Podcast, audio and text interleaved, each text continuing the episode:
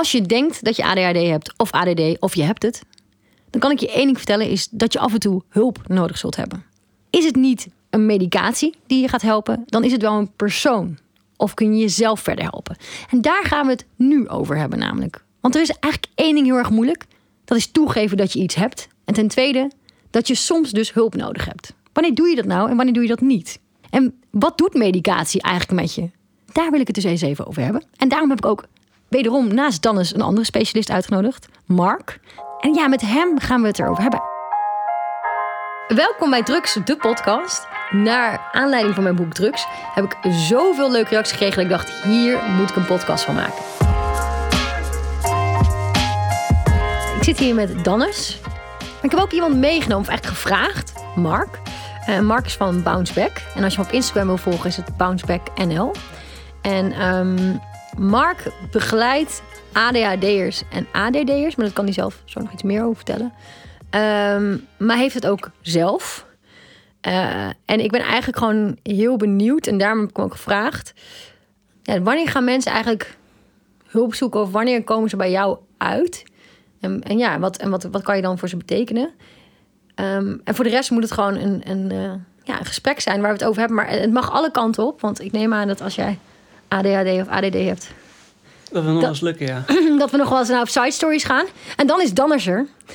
Ja, want ik denk dat het, het begint wel bij jou. Dus ik, denk dat het wel goed is om toch nog van jou, jou even te horen hoe het, Ja. hoe, hoe het bij jou de hulpverlening is geweest en welke coaching jij hebt gehad. Nou, Eh, en- take it away Danners, vraag maar. Ehm, dus bij deze Francine. Dus eh, kan, kan je daar iets over vertellen? En dan is het denk ik inderdaad leuk om van Mark te horen hoe hij andere ADD'ers en ADHD'ers begeleidt. En hoe die dus dat in ja, relatie met zijn eigen ADHD ben ik daar Ja. ook gewoon benieuwd naar. Ja. Ehm, nou ja, kijk. Ehm, ik denk dat dat nog een aparte podcast moet zijn. Hè? Wanneer ga je laten diagnosticeren? Daar zit nog wel echt een, eh, een, een, een, een, een veld wat open ligt aan informatie. Maar ik, ik heb op een gegeven moment een diagnose gekregen. Eh, daar kwam ik in aanraking met een, eh, nou ja, volgens mij was het een, ehm, hoe heet het ook weer? Nou, een psycholoog, een structuurcoach en een arts. En je was vrij oud, geloof ik. Hè? Je was niet eh, een kind van 7, 6, 7, wat heel druk was, waar, daar, waar de diagnose is gesteld. Nee, ik was eh 26 en ik had op een gegeven moment een IKEA-moment in mijn leven waar eigenlijk soort van. Ik zat heel lekker op een stoel, eh, maar binnen een week tijd zat ik op geen. Het waren alle stoelpoten tegelijkertijd, dus op gebied van relatie, werk, ehm, eh, sporten. Ging allemaal mis. ging allemaal mis. Ehm, en ik kreeg gewoon mijn werk niet af tussen 9 en 5. En toen dacht ik wel. Er was al ooit een keer een diagnose gesteld bij een huisarts, gewoon zonder een heel specialistisch team. Die gaf me gewoon de medicatie mee en die zei: Als je denkt dat je het hebt, eh, dan kun je dit nemen. En als je er eh, goed op reageert, dan heb je het. En wat was dat? eh, wat, wat Ritalin. En, ik, had, en ik, ik heb het die ochtend geslikt, nog bij de huisartspraktijk in het oosten. En ik moest die middag weer in Amsterdam zijn voor mijn stage. En ik zat helemaal high in de trein te gaan. Ik bleek allergisch te zijn. Ja. En toen was ik even klaar mee. Toen dacht ik, nou, laat maar. Totdat ik dus een paar jaar later die baan had eh, bij dat grote sportmerk. En, en, nou ja, en dat ik eigenlijk zo'n idee-moment had dat niks meer ging. Toen dacht ik, tot hier en niet verder. Ik ben zat dat mijn leven het op een bepaald moment instort en dat ik het niet kan verklaren. Dus ik denk ook wel dat ik ADHD heb. En ik dacht ook steeds mijn symptomen te herkennen. Ehm, maar ik dacht wel, ja, ik heb hulp nodig. Dus toen heb ik hulp gezocht bij de Busy People, nu dokter Bosman. Eh, nou, dan ga je, krijg je allemaal tests, hele goede tests je- Er worden vragenlijsten ingevuld. eh, je krijgt een medisch onderzoek. eh, je ouders vullen vragenlijsten in. Je vrienden vullen vragenlijsten in. Met jouw toestemming, hè, als je dat wil. Ehm, nou, je krijgt een orthopedagoog en een psycholoog te spreken. En op een gegeven moment komt daar een diagnose uit, wel of niet. Nou, ik bleek jackpot te hebben. ADHD en ADD, de combinatie. Gecombineerde type noemen ze dat ook wel. Ehm, en dan ga je een jaar lang een behandeling traject in. En eigenlijk voor mij was het eerst best een openbaring. Dat ik dacht, ja, ik heb het. Eh, wat fijn. Dus in, in- ik werd, ik werd in, in het moment dat ik die eh, diagnose kreeg, werd ik de ADHD. Ik had in één keer viel alles op zijn plek. In één keer was het allemaal aan mijn ADHD te relateren. Maar na een jaar was, je- ben ik dan uitbehandeld, zoals het heet. En Want genoeg- waar, waar bestond die behandeling dan uit? Daar, Nou, in dat Bosman? Eh, ik kreeg een, een psycholoog die met mij ging bepraten van ja, hoe voel je je eigenlijk over wat er, wat er speelt in je hoofd. En ik kreeg een, eh, een structuurcoach. Toen dacht ik, yes, eindelijk structuur in mijn leven. Gewoon iemand die gaat me helpen daarbij. Maar dat was veel meer gericht op relaties onderhouden. Daar had ik moeite mee. Dus met mijn ouders en eh, met managers. Van, ja, hoe, kom, hoe blijf je nou open communiceren? Ehm, en ik had ook een, eh, volgens mij een... Ja, ik had nog een begeleider en die, zij was heel erg gericht op dat, dat gedrag. Wat heeft het dan voor effect? Dat als jij iets... We kwamen er eigenlijk achter dat ik bij alles wat iemand me vraagt... eh, en waar ik stress van krijg, dat ik op ga staan. En eigenlijk kan ik dat wel teruggeleiden naar groep 1... dat ik nooit in de krinkel blijf zitten. Maar dat kan ik, kan ik nu tot op heden nog niet. Als ik erg stress van krijg, van een bepaalde, dan doe ik hem niet. Sta ik op, ga ik, iets anders, ga ik op zoek naar iets anders... om die prikkel kwijt te kunnen en een andere prikkel op te doen.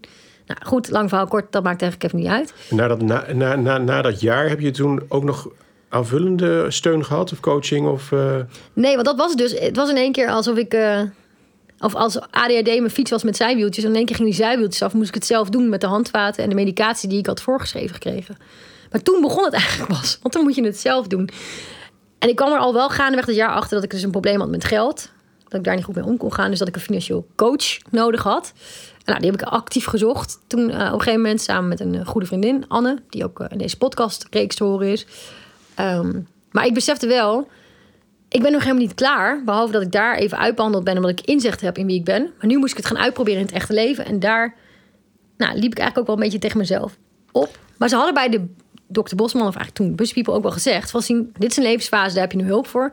We verwachten die over een paar jaar wel weer terug te zien. Want dan is er een andere levensfase met andere vraagstukken. Oh ja, maar de, de- het idee daarvan was van we doen, we doen een bepaalde behandelperiode. Die is dan afgerond en dan moet je het weer een tijdje zelf doen totdat je weer. Ja, tot je waarschijnlijk ergens weer tegenaan loopt. En dan krijg je weer een behandelperiode en, en, en, enzovoort. Dus ik ben eigenlijk ook wel even benieuwd hoe dat voor. Mark was. Hoe, hoe was bij jou, zeg maar, de, eh, voor jouzelf de diagnose en, en de coaching die je toen eh, kreeg? Ja, het is wel, nou ja, het is wel grappig. Ik ben eh, gymleraar geworden. En in mijn opleiding kreeg ik natuurlijk heel veel over ADHD. En er was nog steeds geen belletje wat ging rinkelen bij mij. Ik- ik ben al 18 jaar bij mijn vrouw. Ik ben 36 ondertussen. En eh, zij is GZ-psycholoog. En zij had eigenlijk al veel eerder door wat er dan allemaal speelde dan ik. Dus op mijn 27e ben ik er pas achter gekomen. En dan kom je inderdaad in zo'n traject terecht. Ehm, waarbij het je allemaal maar even overkomt. En dan, ja, eerst ben je blij, want je hebt dan een diagnose, dus een reden.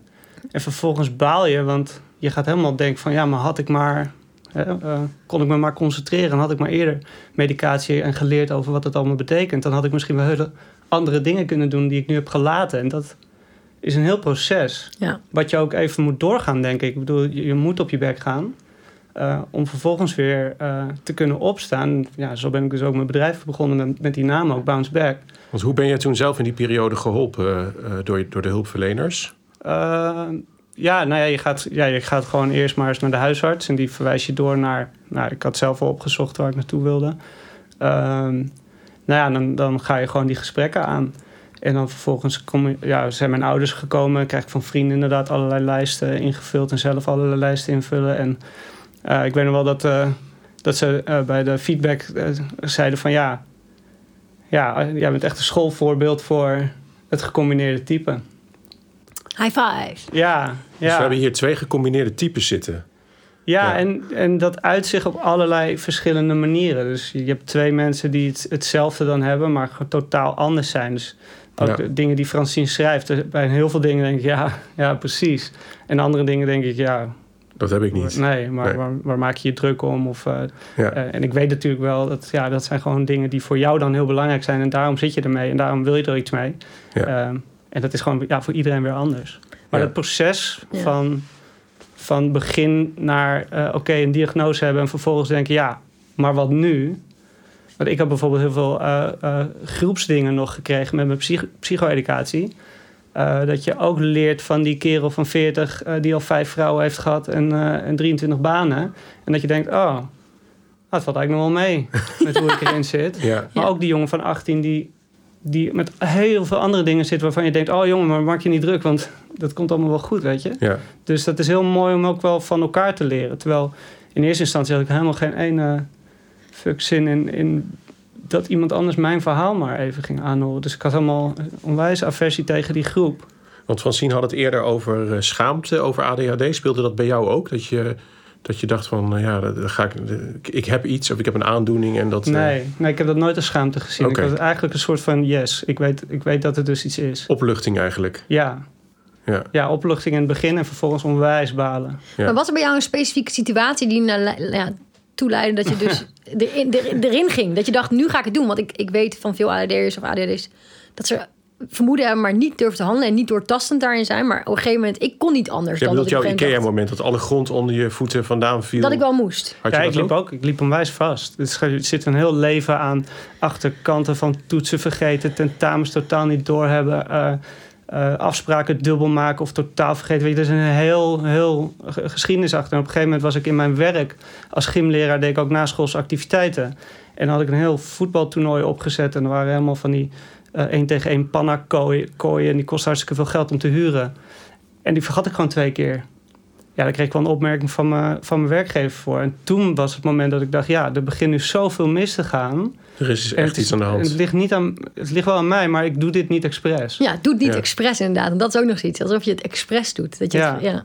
dat je daarvoor op je flikker En dat, eh, dat was voor mij de stap om te gaan zeggen, oké, nu is het klaar. Dus wat het dan ook is. eh, ik dacht zelf niet aan ADD namelijk of zo, maar eh, wat het ook is, ik wil er achteraan gaan. Ja, en toen was het met mijn vrouw al heel snel duidelijk van, ja, maar jij moet gewoon gaan kijken of jij niet ADHD hebt. Want zij had er achteraf al veel langer aan gedacht. Ja, maar iemand moet er wel klaar voor zijn om dat ook te kunnen accepteren. Ja, Ja. helemaal mee eens. Want Dus- hoe oud was jij? Is 27 zoiets. Ja, dat is ook weer zo. Dat is net als bij jou, hè? Ja, Dus het zal voor veel meer volwassenen misschien nog een onontdekt, eh, on- ontdekte diagnose zijn. ja, hè? ja, de mensen die bij mij langskomen zijn ook... eh er zitten alle leeftijden tussen, maar ook heel veel volwassenen inderdaad. Ja, want kan je daar iets over vertellen over? Je hebt dus zelf hulp gehad en coaching deels gehad, maar blijkbaar zag jij ook wel een behoefte eh, en dat er, dat er meer nodig was. En ben jij een bedrijf gestart? Ja, nou, daar zit, daar zit, eh, ik heb altijd gedacht, ik moet iets doen. Maar dan, ja, wat is dat iets dan? Nou, dan, had ik allerlei ideeën, maar daar deed ik nooit wat mee. En dan, ja, dat, dat werd dan niks. Dus nou, was het weer zo'n eh, zo'n teleurstelling. Eh, en toen ik de diagnose kreeg en door het proces ging van... Nou, wat betekent het nou voor je en wat heeft het nou eigenlijk voor je betekend... en wie ben ik dan eigenlijk en wie wil ik dan zijn... eh, toen ben ik erachter gekomen van... Terwijl ik ook in mijn werk veranderde van gymleraar naar meer eh, het coachen van studenten. Dus mentor meer, mentorschap meer. En vervolgens ben ik jobcoach geworden. En was ik heel goed in het vinden van werk voor anderen. Of juist het heel erg motiveren van mensen om dingen vol te houden. En toen wist ik, oké, ik wil coachen. Maar niet in het, het werkveld waar ik nu in zit. Want ja, daar had ik gewoon... Ik vond het heel leuk, maar niet, daar lag mijn passie niet. En toen dacht ik, oké, ik wil dus mensen met ADD coachen. Ik wil eigenlijk mensen leren dat de fouten die ze maken eigenlijk goed zijn om, om weer verder te kunnen komen in plaats van eh, faalervaringen. Dus toen wist ik opeens wat ik, wat ik wilde. Dus het negatieve omzetten in positief eigenlijk. Ja, ja. En Ja. want, want, want kan, je, kan je zo zeggen wat, wat nou heel veel voorkomende gevoelens zijn en, en, en problemen bij mensen die, eh, die zich bij jou melden? Ja, heel veel mensen die zich niet begrepen voelen. Of veel mensen die onzeker zijn geworden, bang zijn dat ze dingen fout doen. Eh, en ook veel dingen fout gaan. Ehm, En daar ook bewijs voor verzamelen. Hè? Want ik heb ook genoeg bewijs verzameld voor wat ik niet kan. En daar ga ik op. Daar zit mijn zelfbeeld vaak op. Terwijl er is genoeg bewijs van wat ik wel kan. Maar ik ben gaan luisteren naar die andere stem. En op een gegeven moment ga je daar nog meer... Ja, dus heel Ja, veel negatief natuurlijk- zelfbeeld, is dat wat je veel ziet? ja, Het ligt eraan ten grondslag. Hè? Dus dat is niet iets wat, wat, je, wat je... Maar het is wel... Ja, je, je weet waar je slecht in bent. En, en je hebt genoeg bewijs van... Dat falen, dat doet ook vaak heel erg pijn. Ja, ja kijk, en weet je, als ik, ik, kan, ik doe heel veel vanuit mezelf. Ehm, dus ik was ook een drukke jongen vroeger. Ik zat niet stil. Ik maakte alle stoelen kapot, want ik zat overal op te wippen. Eh, ik was, op een gegeven moment is dat gedrag vervelend. Dus ik snap mijn docenten wel. Ehm, maar het is hoe jij benaderd wordt, wat er vervolgens intern gebeurt. En dat Ja. was, zit nou stil, doe nou eens je best, ehm, je luistert niet. Ja, en als je dat maar vaak genoeg te horen krijgt op, op verschillende plekken die belangrijk Ja. voor jou zijn, dan ga je op een gegeven moment denken, oh ja, ja. Ja, Ja. dus ik, ik mag er niet toe doen. En als je dan gaat puberen, ja, dan ga je er ook naar gedragen. Ja. Terwijl dat onwijs een schreeuw was, in mijn geval dan, van help me eigenlijk. Zie mij. En dat is, eh, ja, dus ik was in gedrag niet, de niet de leukste leerling. Want je zei eigenlijk wel, daarnet ook wel, vond ik wel eh na striking, zeg maar, dat je zei van nou, ik, ik was enerzijds heel blij met het feit dat daar een diagnose was, maar anderzijds had ik zoiets van, was het maar veel eerder ontdekt? Want dan, dan hadden we misschien met medicatie iets kunnen doen. Denk je dat daar ook dat dat zo is? Dat, dat hoe eerder het onderkend wordt, hoe beter het uiteindelijk is voor het leven van de nee, ADHD'er? zou- of nee, niet? alsjeblieft niet. Nee, ik zou zo Nee. echt willen zeggen, kijk naar, kijk naar het kind als het een kind is. Is het kind gelukkig? Doet het de dingen die hij wil doen? Mag hij gewoon fouten maken? Ja, wat is Ja. het probleem dan? Ja, dus eigenlijk ga als, als eh, samenleving andersom. En, niet, Ja. en, en bestempel het niet als fout en vervelend gedrag. Maar zie gewoon dat het een ander kind is. En, en ga daarmee op een positieve manier mee om. Ja, precies. Dus als ik een. eh, eh, eh, eh, toen ik gymleraar werd, en ja, ik was goed in gym, want lekker bewegen, weet je. Dus niet te veel druk maken. Dus daar was ik goed in. Dus ik ben gymleraar geworden. Nou, het kunstje lesgeven, dat kon ik wel, maar vond ik echt geen bal aan. Ehm, maar ik zag wel inderdaad, herkende heel veel dingen van mezelf. Dus als ik heel druk was, ging ik met een bal stuiteren. Ja, wat is nou het probleem als ik even achteraan en met die bal was gaan stuiteren? Maar ik werd telkens maar gezegd, nee, niet doen. Of, dus dan word je heel erg ingedempt in hoe het hoort. En, Ja, dus eigenlijk wel doen is dan misschien de boodschap. Ik geloof, er ja, is een juist tijd... doen. Ja, wat Ja. maakt nou uit? Dan moet ik het twee keer vertellen. Maar Ja. dat moet ik toch wel, want het, die leerling zit niet te, te luisteren. Dus Ja. of mijn verhaal is helemaal niet zo interessant. Dan moet ik dus wel naar mezelf gaan kijken. Wat doe ik nou eigenlijk? Of eh, die gozer of, of dat meisje heeft gewoon last om even te luisteren. Nou, dan vertel ik het toch twee keer. Wat is nou het probleem?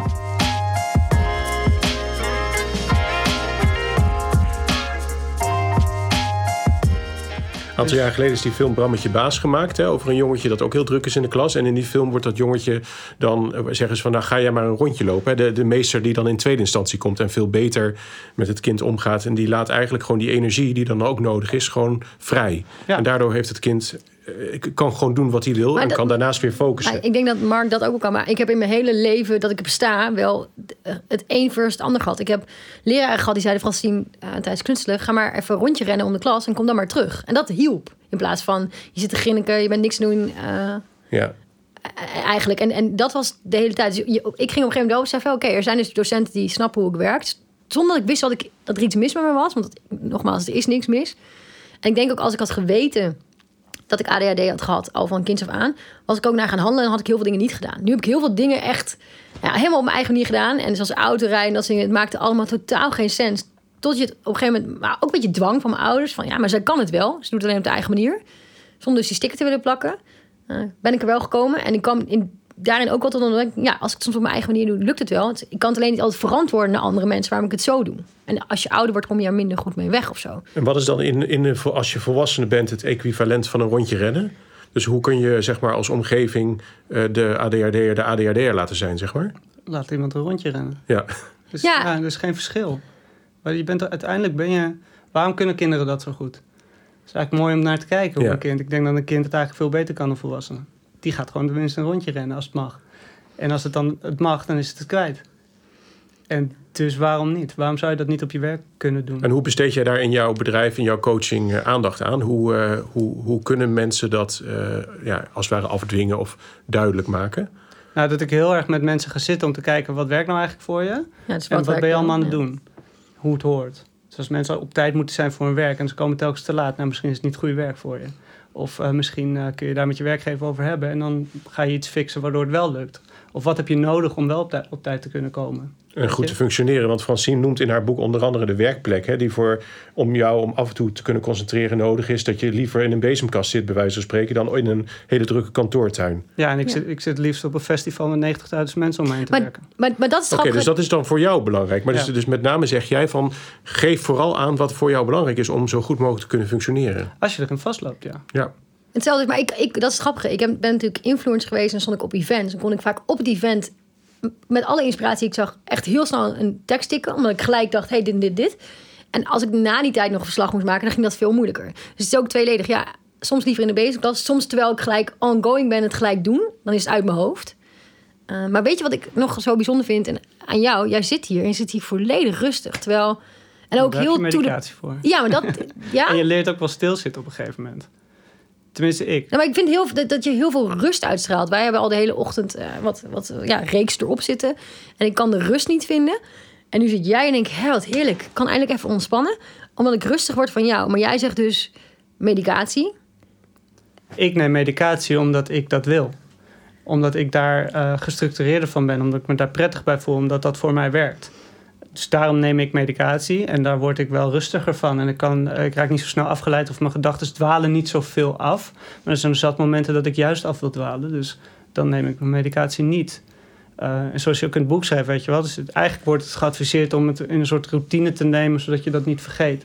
Nou, als er ergens geen routines in zitten, is dat het wel ik vergeet. Het zat, zat vaak of eh, eh, ik zit midden in een rebound, heb het helemaal niet door. En ik heb nou mijn pillen genomen, wel of niet. Dus ja, dan, eh, dan neem ik dubbel soms. Nou, dat is niet handig. Weet je, er gebeuren gewoon hele rommelige dingen. Maar dat vind ik ook... Soms vind ik het ook heel vervelend hoor. Maar dat vind ik ook wel een beetje de charme ervan. Weet je, ja, ik maak ook fouten. En ik denk dat ik alleen maar laat zien dat ik gewoon dezelfde fouten maak in mijn coaching. En totaal niet dingen wil oplossen. En ook gewoon niet tips probeer te geven. Want wat voor mij werkt, werkt voor een ander echt totaal niet. Nee, want, want jij zegt ook, want ik ben heel nieuwsgierig naar wat voor medicatie neem jij dan gedurende een dag als je een dag hebt waarop je medicatie neemt?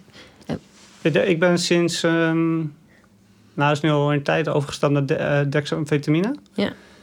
En hoeveel wil je dat weten? Ja, ik ben, want ik, ik ga dus uh, op het minste of geringste al helemaal. Uh... Nee, ik, ik, ik, kan zoveel nemen als een olifant. Ik krijg je me nog steeds niet om. Ik gebruik nu 30 milligram s ochtends en s middags van Dex. En hoeveel gebruik jij van zien? Als je het gebruikt? 1,25. 1,25. Maar er zijn mensen die nog veel, veel hm. meer... En, dus, ja. Nee, maar even voor de goede orde. Dus jij gebruikt 1,25 milligram per dag. En jij gebruikt twee keer 30. Ja. Dus dat ja, is twee keer 30, nee toch? Want eh, eh, wel, twee keer 30 op een dag. Dat, is 60 in totaal.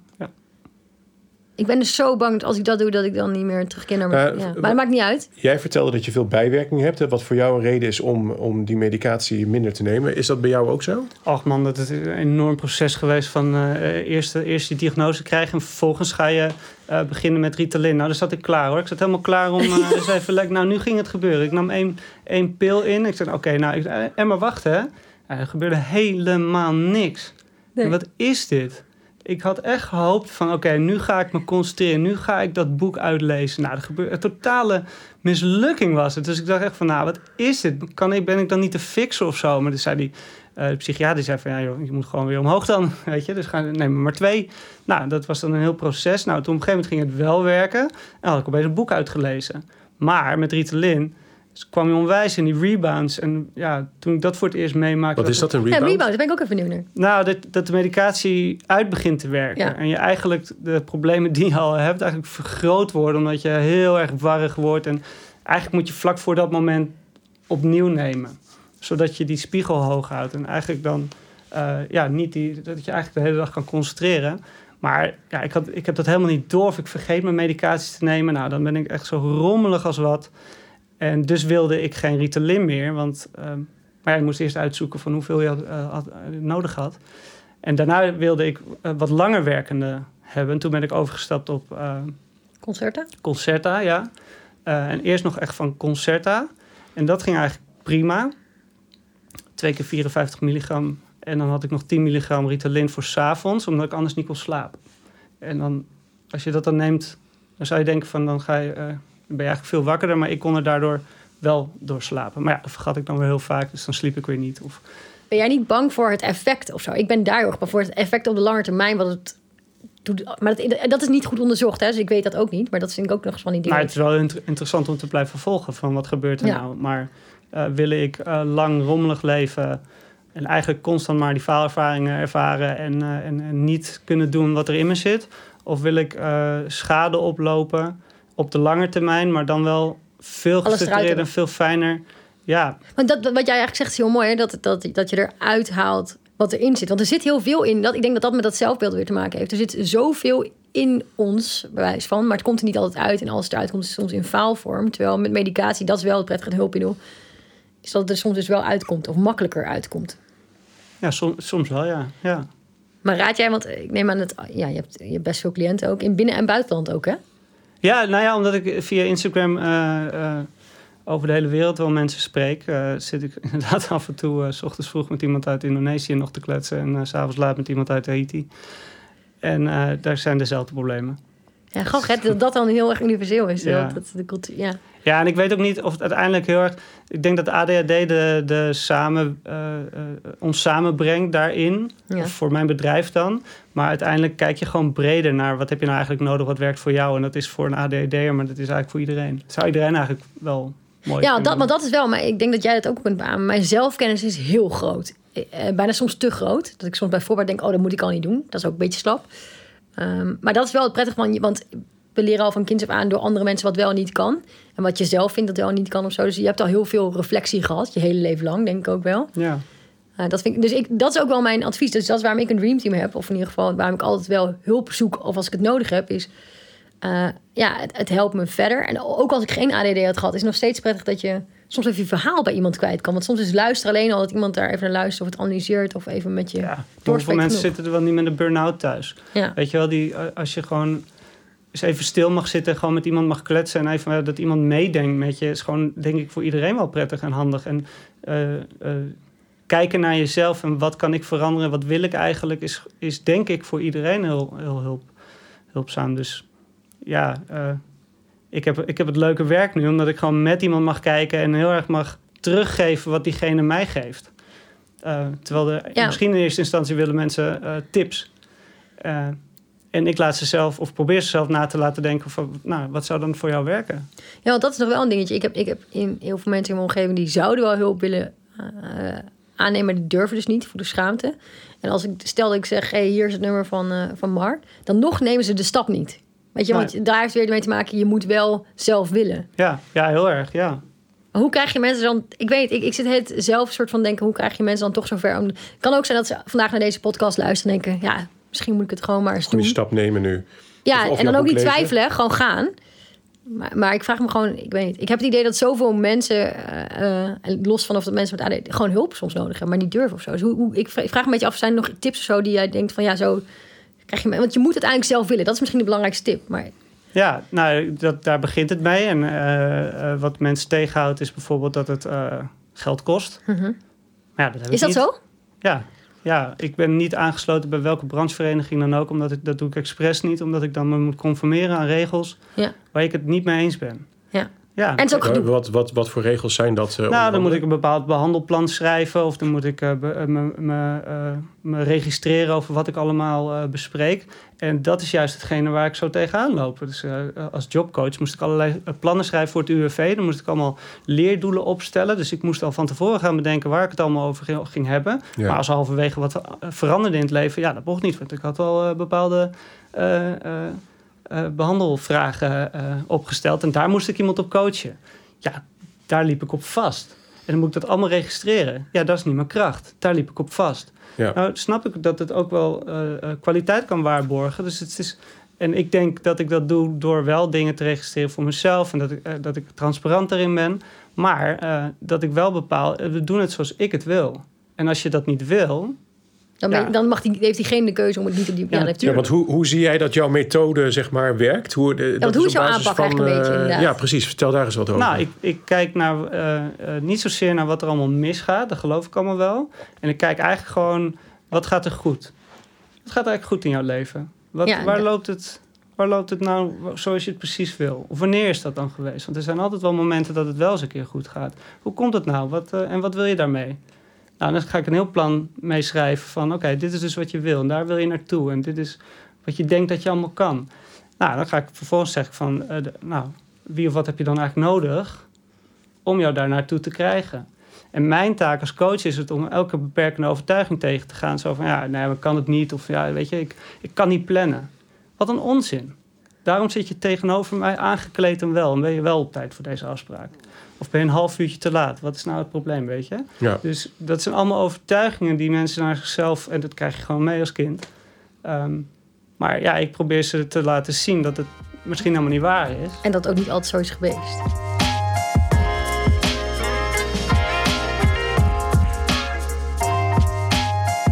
Met name het vinden van, je, van jezelf en, de, en je eigen waarde. En te erkennen dat er ontzettend veel zelf, eh, potentieel in jezelf zit om verbetering te brengen. Dat dat een van de krachten is die jij in mensen aanboort. En, en, en dat dat ook iets is wat je, wanneer je ADHD hebt, dat je daar echt in moet investeren. Omdat het je uiteindelijk een veel gelukkiger leven kan brengen. Als je daar. Als je er echt, vastloopt. eh, ja, Ja, als je dan zou ik vastloopt. iedereen gunnen dat, Ja. dat hij iemand vindt.